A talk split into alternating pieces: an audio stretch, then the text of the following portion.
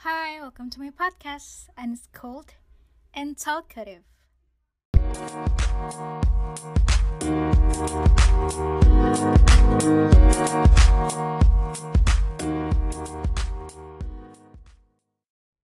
Halo teman-teman, balik lagi di podcast Talkative bersama gue Intan Permata.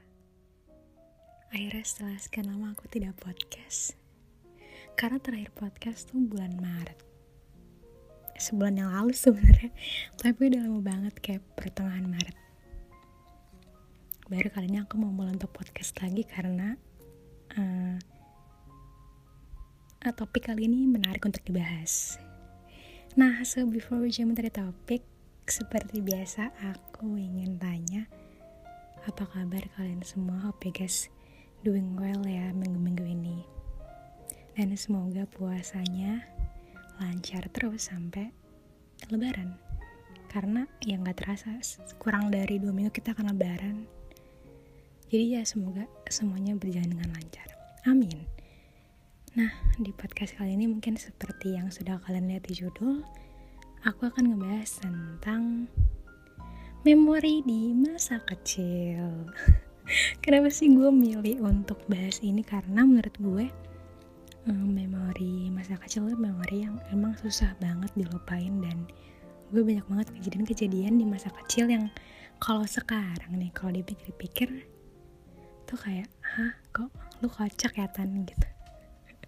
So ya mari kita breakdown satu persatu. Apa aja? Yang pertama zaman di mana temen-temen gue pada ke rumah Dinda Kirana for your information gue tuh pindah ke Bekasi tuh kelas 3 SD nah di situ tuh teman-teman gue tuh banyak banget yang ke rumah Dinda Kirana karena karena tuh rumah gue sama rumah Dinda Kirana tuh beda beda blok doang gitu loh. Walaupun emang gak deket-deket banget sih lumayan jauh gitu. Tapi tuh, tuh dulu hype banget gitu kayak iya main ke rumah Dinda Kirana gitu. Terus teman-teman gue tuh iya pada cerita gitu kayak kalau mereka main ke sana segala macam. Nah gue tuh kebetulan bukan orang kayak gitu. Maksudnya gue nggak ikutan main ke sana karena gue ngerasa ya buat apa gue ikutan main ke rumah di kirana dan kayak ya nggak kepentingan gitu. Terus juga teman-teman gue cerita uh, sering banget dia tuh di tanyain satpam mau ke mana segala macam. Ya iyalah kayak ya bayangin aja kita siapa ke rumah di Kirana pokoknya anak aduh gue ngakak. Pokoknya anak perumahan rumah gue pasti tahu deh rumah Dinda Kirana di mana. Jadi itu itu pertama ya. Ya pertama aja udah absurd ya pengalaman gue.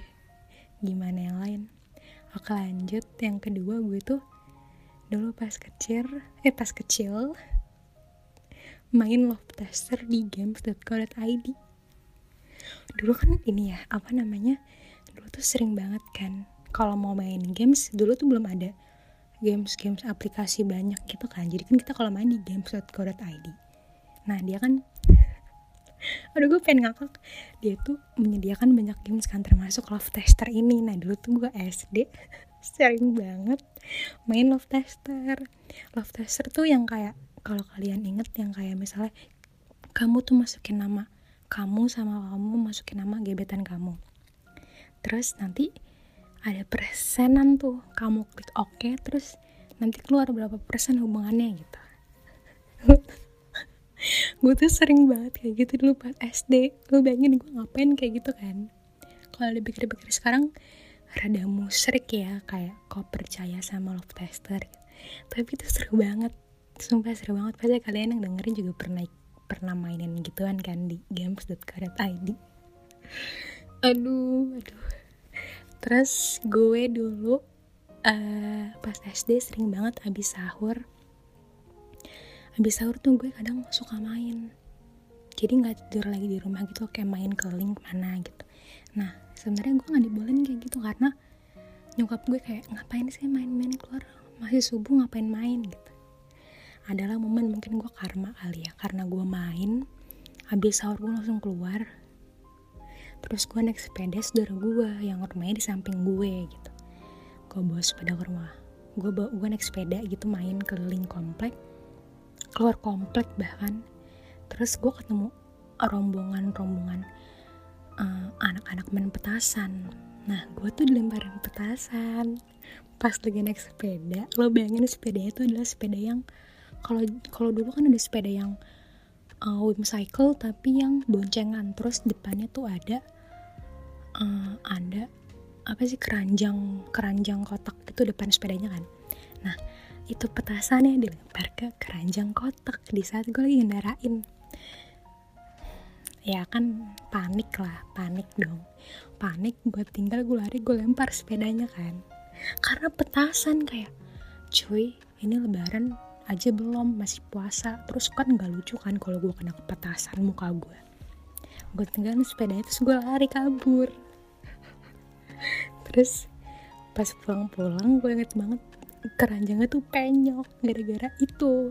Mana itu sepeda saudara gue kan kayak sorry gue ngerusakin barang orang gitu. Terus ya udah kayak itu karma deh gara-gara gue emang gak dibolehin keluar tapi gue keluar. Terus gue lupa sih dimarahin apa enggak tapi ya itu dilempar petasan subuh subuh lu mau teriak juga orang juga sepi kan gak ada yang bangun gitu. Itu sih kocak banget sih. Terus ngomongin soal yang tadi games.co.id ini ada hubungannya kalau misalnya gue tuh sering banget dulu ke warnet cuman buat main pet society. Mungkin kalian-kalian yang main Facebook tuh dulu pernah main pet society kayak dia dia tuh uh, bentuknya kayak kamu di dekor dekor rumah segala macem gitu. Nah dulu gue tuh kalau main gituan tuh di warnet karena gue nggak nggak belum punya komputer pada saat itu. Jadi mainnya di warnet. Dan gue kalau ke warnet itu selalu ngumpet-ngumpet. Gue juga sebenarnya nggak boleh ke warnet. Gitu karena kayak sayang-sayang buang-buang uang kayak cuman sejam main terus kayak nggak ngapa-ngapain. Kayak gitu deh kayak nggak boleh gitu intinya terus jadi tuh setiap gue dipanggil main ya gue bilangnya cuma pengen main padahal gue ke warnet gitu. Kayak kayak nyawa sejam sejam gitu. Kayak kadang duit gue habis cuma gara-gara itu. Kayak ngapain ya gue dipikir-pikir tapi itu seru banget sih. Terus uh, dulu sebelum gue pindah sebelum gue pindah ke Bekasi kan gue tinggal di Jakarta Selatan kan. Nah gue tuh dulu tuh zaman zaman kelas 1 kelas 2 SD kan pasti gigi kita sering banget copot gigi susu kan terus gue tuh gue ngerti. Gue tuh gigi gue tuh sering banget copot. Gigi depan gue kan. Terus ada momen di mana gue lupa gigi depan kanan atau kiri itu udah emang emang udah oglek gitu loh. Dan gue tuh kalau udah oglek ya udah gue tunggu sampai copot. Nggak pernah yang kayak gue patahin. Kan kata orang-orang dulu kayak pakai benang nanti ditarik segala macam. Gue takut. Jadi kayak ya udah gue tunggu gue tunggu bener-bener patah sendiri aja jangan dipaksain gitu kan. Terus udah lagi oglek oglek giginya. Terus gue tuh beli cakwe makan cakwe. Makan cakwe terus entah gimana ceritanya giginya tuh yang udah mau copot malah ketelan. Ini demi apa pun ya gue nggak ini ketelan gitu. Gue gak ngerti entah gue makan terlalu asik sampai nggak ngeh kalau ada gigi apa gimana tapi serius ketelan itu gigi ke dalam uh, badanku. Gitu. Tapi aku nggak tahu itu terus gue reaksinya kayak gimana gue nggak tahu gue lupa. Tapi yang jelas itu giginya ketelan serius. Tapi alhamdulillah saya masih sehat walafiat sampai umur 22 tahun kan. Jadi ya berarti aman. Tapi please banget jangan jangan-jangan kayak gitu. Jangan ditiru. Siapa juga gak sih mau niru? Itu emang kegoblokan sendiri aja. Terus terus zaman-zaman masa kecil adalah zaman-zaman aku dibully. Dulu tuh TK sam TK SD tuh gue dibully sama temen gue. Dan sekarang FYI masih temenan sama si orang yang ngebulinya uh, pas tapi itu pasti Jakarta maksudnya pas kan jadi gue tuh uh, sempet SD di Jakarta kelas 1 kelas 1 kelas 2 SD terus habis itu kelas 3 gue pindah ke Bekasi kan nah dari TK gue tuh di TK gue inget banget kan gue gue tuh pas TK uh, eh, pakai sepatu roda gue ngerti ya kenapa ya gue TK pakai sepatu roda tapi dulu tuh emang lagi zaman kan sepatu roda. Sepatu roda Barbie pokoknya yang kayak rodanya empat gitu loh. Terus itu kan rodanya bisa dimasukin ke sepatu. Jadi lo bisa pakai pakai sepatu biasa aja gitu terus pakai sepatu roda lah gue pas TK lo bayangin fancy banget anak TK pakai sepatu roda terus udah kan pakai sepatu roda. Terus gue lupa sepatu roda gue diumpetin apa sepatu roda gue dipinjem terus nggak dibalikin gue lupa pokoknya. Itu TK itu TK terus pas SD gue inget banget tas gue tuh dicoret-coret sama ada temen gue cewek. Dicoret-coret tas gue gue nggak tahu gue nggak tahu salah apa. Tapi tiba-tiba pas gue masuk kelas tas gue dicoret-coret terus penggaris gue dipatahin gitu-gitu kayak hah gue kenapa? Gitu. Itu termasuk dibully gak sih? Gue nggak tahu tapi kayak kan gue ngapa-ngapain gitu. Dan itu tuh si cewek ini yang lakuin itu tapi sekarang kita temenan dan nggak tahu sih dia masih inget apa enggak tapi yang jelas gue sama dia sekarang temenan. Itu SD ya loh sedih banget ya sih? Tasnya cara coret terus udah akhirnya kalau nggak salah nenek gue ke sekolah cuman buat marahin dia kalau nggak salah. Terus gue ngadu kan kayak iya tas aku udah coret-coret segala macam terus ada nenek gue ke sekolah terus nanya ke anaknya kenapa? segala macam gitu deh. Aduh kocak banget sih tapi sekarang kalau di kalau diinget terus juga di zaman zaman itu adalah zaman zaman di mana aku sering banget jatuh sampai bibir luka. Entah kenapa dulu gue sering banget bibirku tuh jontor. Kayak itu kelas 1, kelas 2, kelas 2 SD itu gue ngerti gue gue jalannya sebenarnya ngelihat apa enggak gue gak ngerti. Soal gue sering banget kesandung coy kayak kesandung dikit jatuh gitu loh. Terus bibir gue sering banget jontor berdarah jontor berdarah gitu siklusnya kayak kenapa sih tan? Terus ngomongin soal dikit-dikit jatuh kan itu udah personal branding kalau gue letoy kan terus pas kelas 5 SD kalau nggak salah di komplek gue tuh di komplek gue sering ada 17 Agustusan. 17 Agustusan terus suka ada malam pementasan kayak entah orang itu ngedance atau nyanyi atau apa gitu. Nah gue tuh si si FOMO banget kan. Terus gue pengen lah ikut dance gitu Astagfirullahaladzim gue tuh pengen banget ikut dance dulu ceritanya gitu terus ternyata uh, aw awalnya iya iya iya. Terus gue mikir kok gue gak dipanggil panggil buat latihan dance gitu. Anjir. Ternyata gue gak dipanggil gara-gara gue letoy lo bayangin gue gak ikutan gue gak ikutan dance karena gue letoy.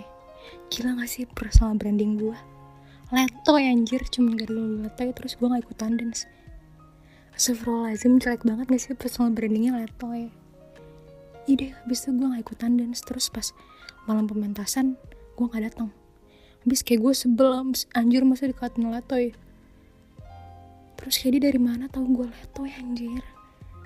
Kayak udahlah. Ya udah habis itu gue kayak masih inget kan sampai sekarang tuh gara-gara dikatain letoy astagfirullahaladzim itu ngakak. Tapi kayak ah, kenapa sih gue dikatain letoy perasaan gue gak gitu-gitu banget ya. Itu sedih banget gak sih hmm. terus ada lagi nih. Uh, oh iya dulu tuh pas masih kecil SD sih nggak kecil-kecil banget.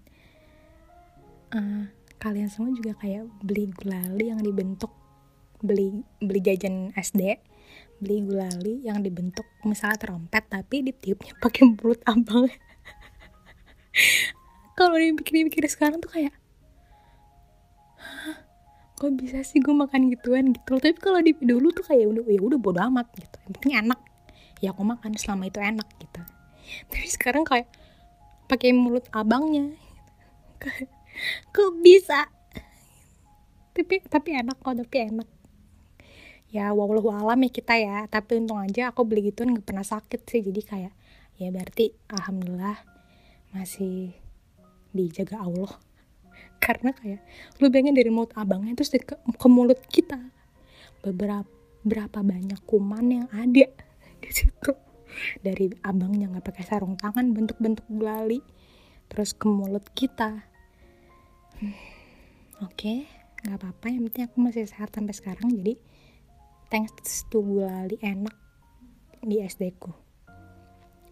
Terus juga ngomongin SD nah gue tuh uh, dulu kalau kalian inget kan dulu zaman zaman 2004 2005 tuh ada banget namanya AFI kan Akademi Fantasi Indosiar. Nah gue tuh si nonton tuh si, si ngikutin zaman zaman AFI sampai akhirnya kan bokap gue bokap gue kan kerja di Indosiar kan. Terus sering lah ikut-ikut anak-anak AFI tuh kayak ke mana ke mana ke mana gitu. Terus gue punya binder zaman dulu kan ada binder kan. Nah uh, bindernya tuh isinya tuh tanda tangan Af, tanda tangan kontestan Avi pada saat itu. Isinya tuh ada kayak, jadi tuh di binder itu gue tuh dulu ada stiker abang-abang kan, ada stiker abang-abang. Nah, stikernya itu foto-foto kontestan Avi, terus gue tempelin foto-fotonya di binder per orangnya. Terus gue kasih binder tuh ke bapak gue supaya nyampein ke anak-anak Avi supaya tanda tangan di binder gue.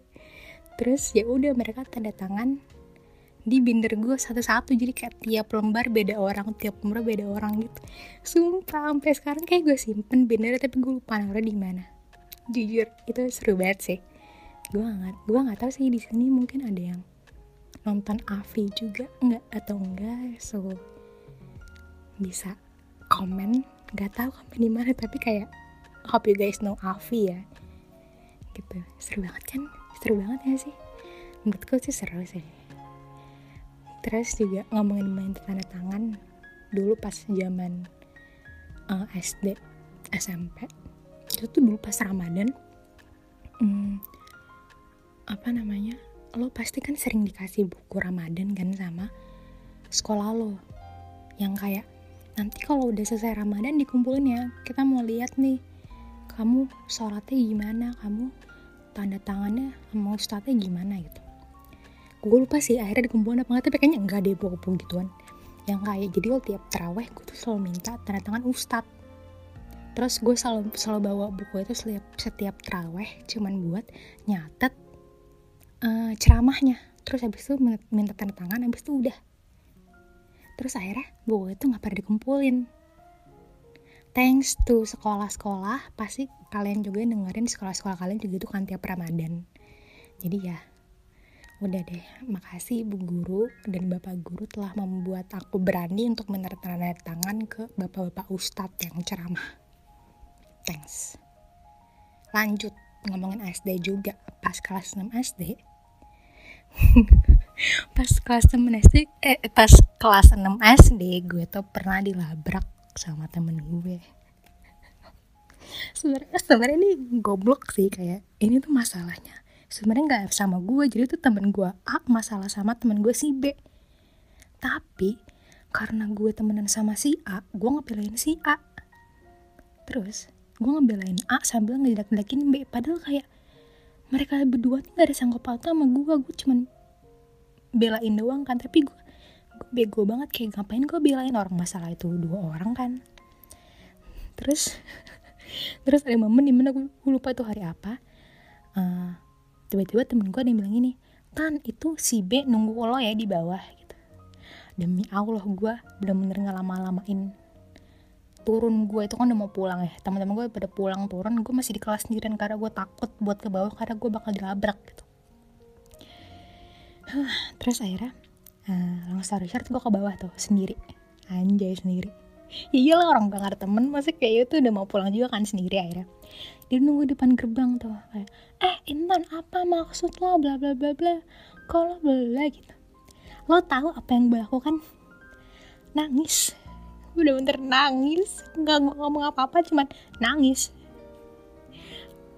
Tinggi sekarang sekarang kalau dipikir-pikir ngapain juga gue ikut campur masalah orang kan terus akhirnya udah segala macam dilabrak gue nangis. Gue gue kayak saya inget gue gue gue tidak melawan apa apa gue hanya bisa nangis. Mana gue pulang naik angkot kan pas SD jadi sepanjang angkot kayak gue nangis deh. Terus udah terus akhirnya uh, itu masih zaman zaman Facebook kan kelas 6 SD apa kelas 5 gitu. Terus akhirnya uh, itu masih masih masih masih berjalan tuh sir keributan ini. Terus gue ngomong uh, bawa-bawa orang tua apa-apa gitu. Terus gue bilang kayak iya nanti gue bilangin ke nyokap gue apa-apa gitu. Gue lupa deh. Terus at the end of the day masih jadi dia minta maaf gue. Padahal kayak harusnya gak gitu. Siklus ya. Harusnya kayak gue minta maaf karena gue ikut campur masalah orang. Tapi akhirnya dia balik minta maaf ke gue. Kayak kenapa. Aduh astagfirullahaladzim. Udah masih kecil udah berak-berak orang jangan ditiru guys. Kalau misal teman kamu ada masalah dengan orang lain ya udah. Kamu support aja jangan ikut-ikutan gitu. Jadinya kamu masuk ke masalah orang deh. Ha memang bodoh aku. Hahaha terus lanjut lagi nih. Nah uh, di zaman zaman itu juga pasti kalian ngerasain kan main-main petak umpet gobak sodor terus uh, benteng gitu-gitu kan. Nah di mana belum ada gadget segala macam kan mainnya gituan kan.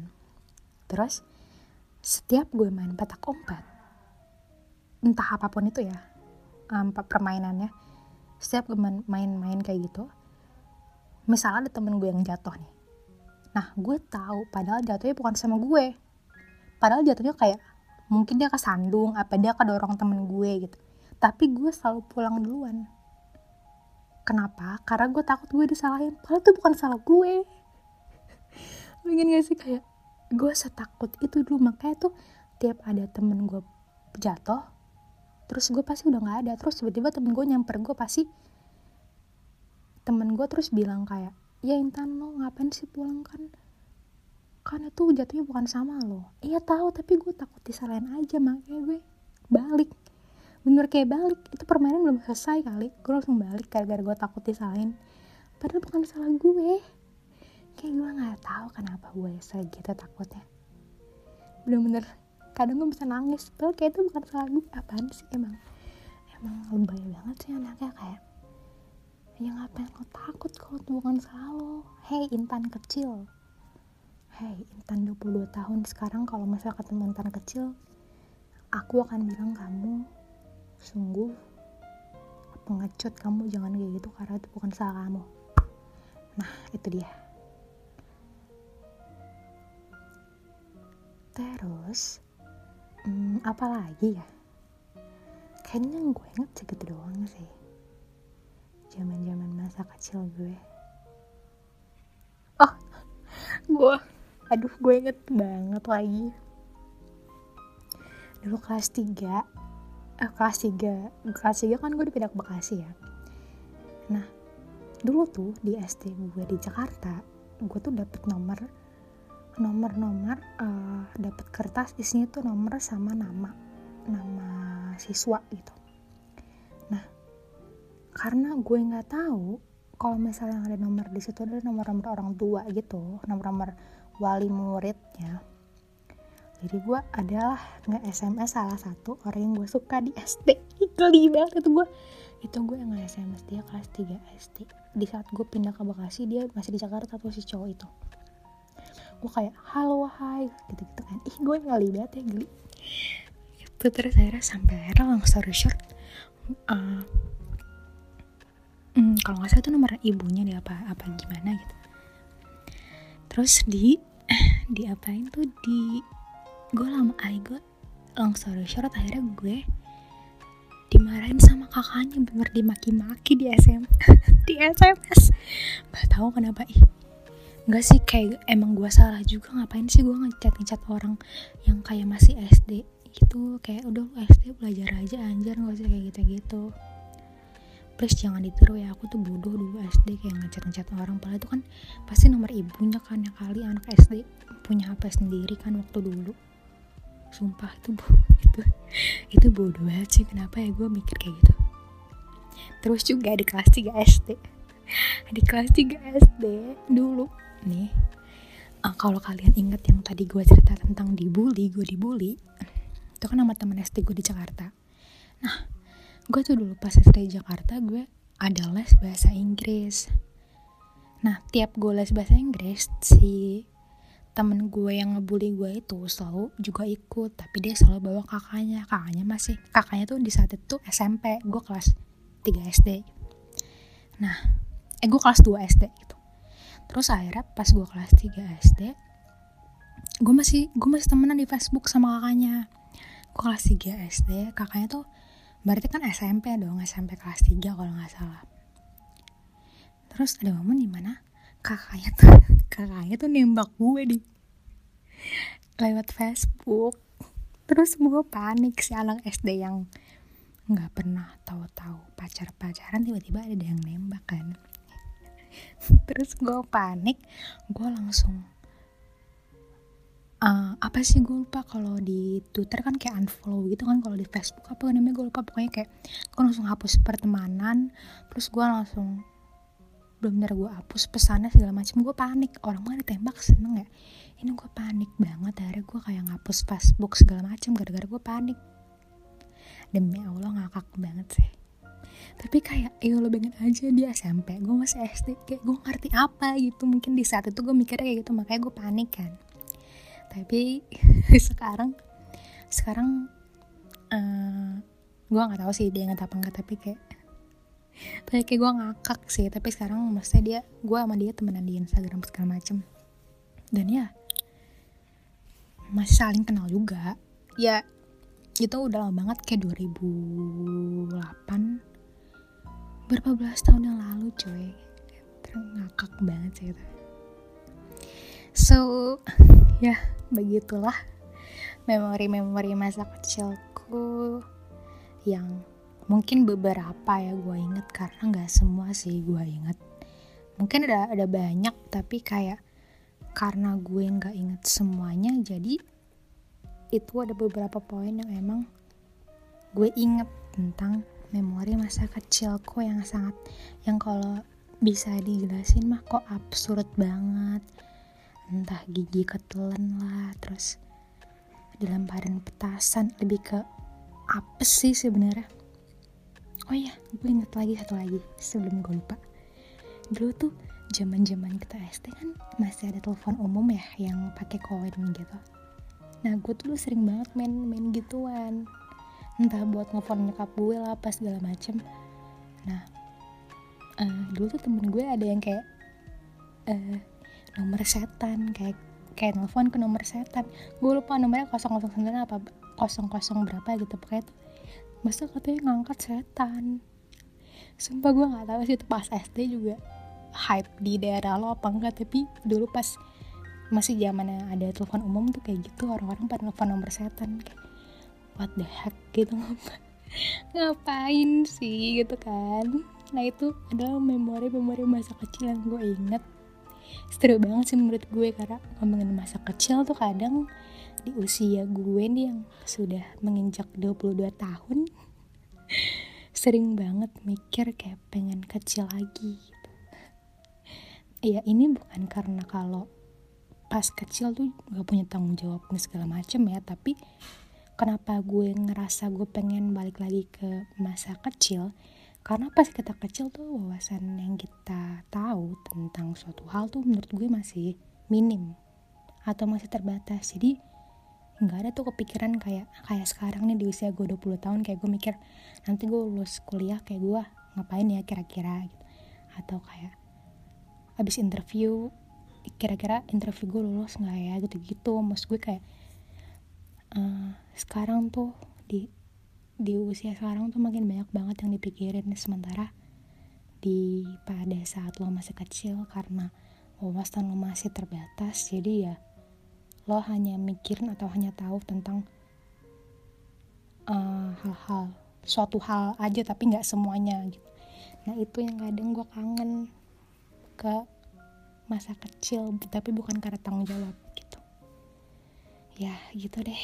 Kalau ngomongin masa kecil mah Hmm, sebenarnya seru banget sih. Karena ya banyak banget kejadian di masa kecil yang kayak lo bisa ngakak, lo bisa seneng, lo bisa sedih tanpa perlu mikirin ke depannya gimana. So, ya apa pun itu aku bersyukur dan sebenarnya gue bangga dengan diri gue karena udah bisa ada di titik ini dan melewati masa kecil yang seru sekali. Karena tidak mungkin ada Intan yang seperti sekarang. Kalau tidak ada Intan versi kecil dengan segala memorinya. Jadi melo ya guys. Kalau di uh, baca-baca nih kalau didengar-dengar jadi melo ya. Saya so, last but not least, terima kasih sudah mendengarkan podcastku edisi Memori Masa Kecil.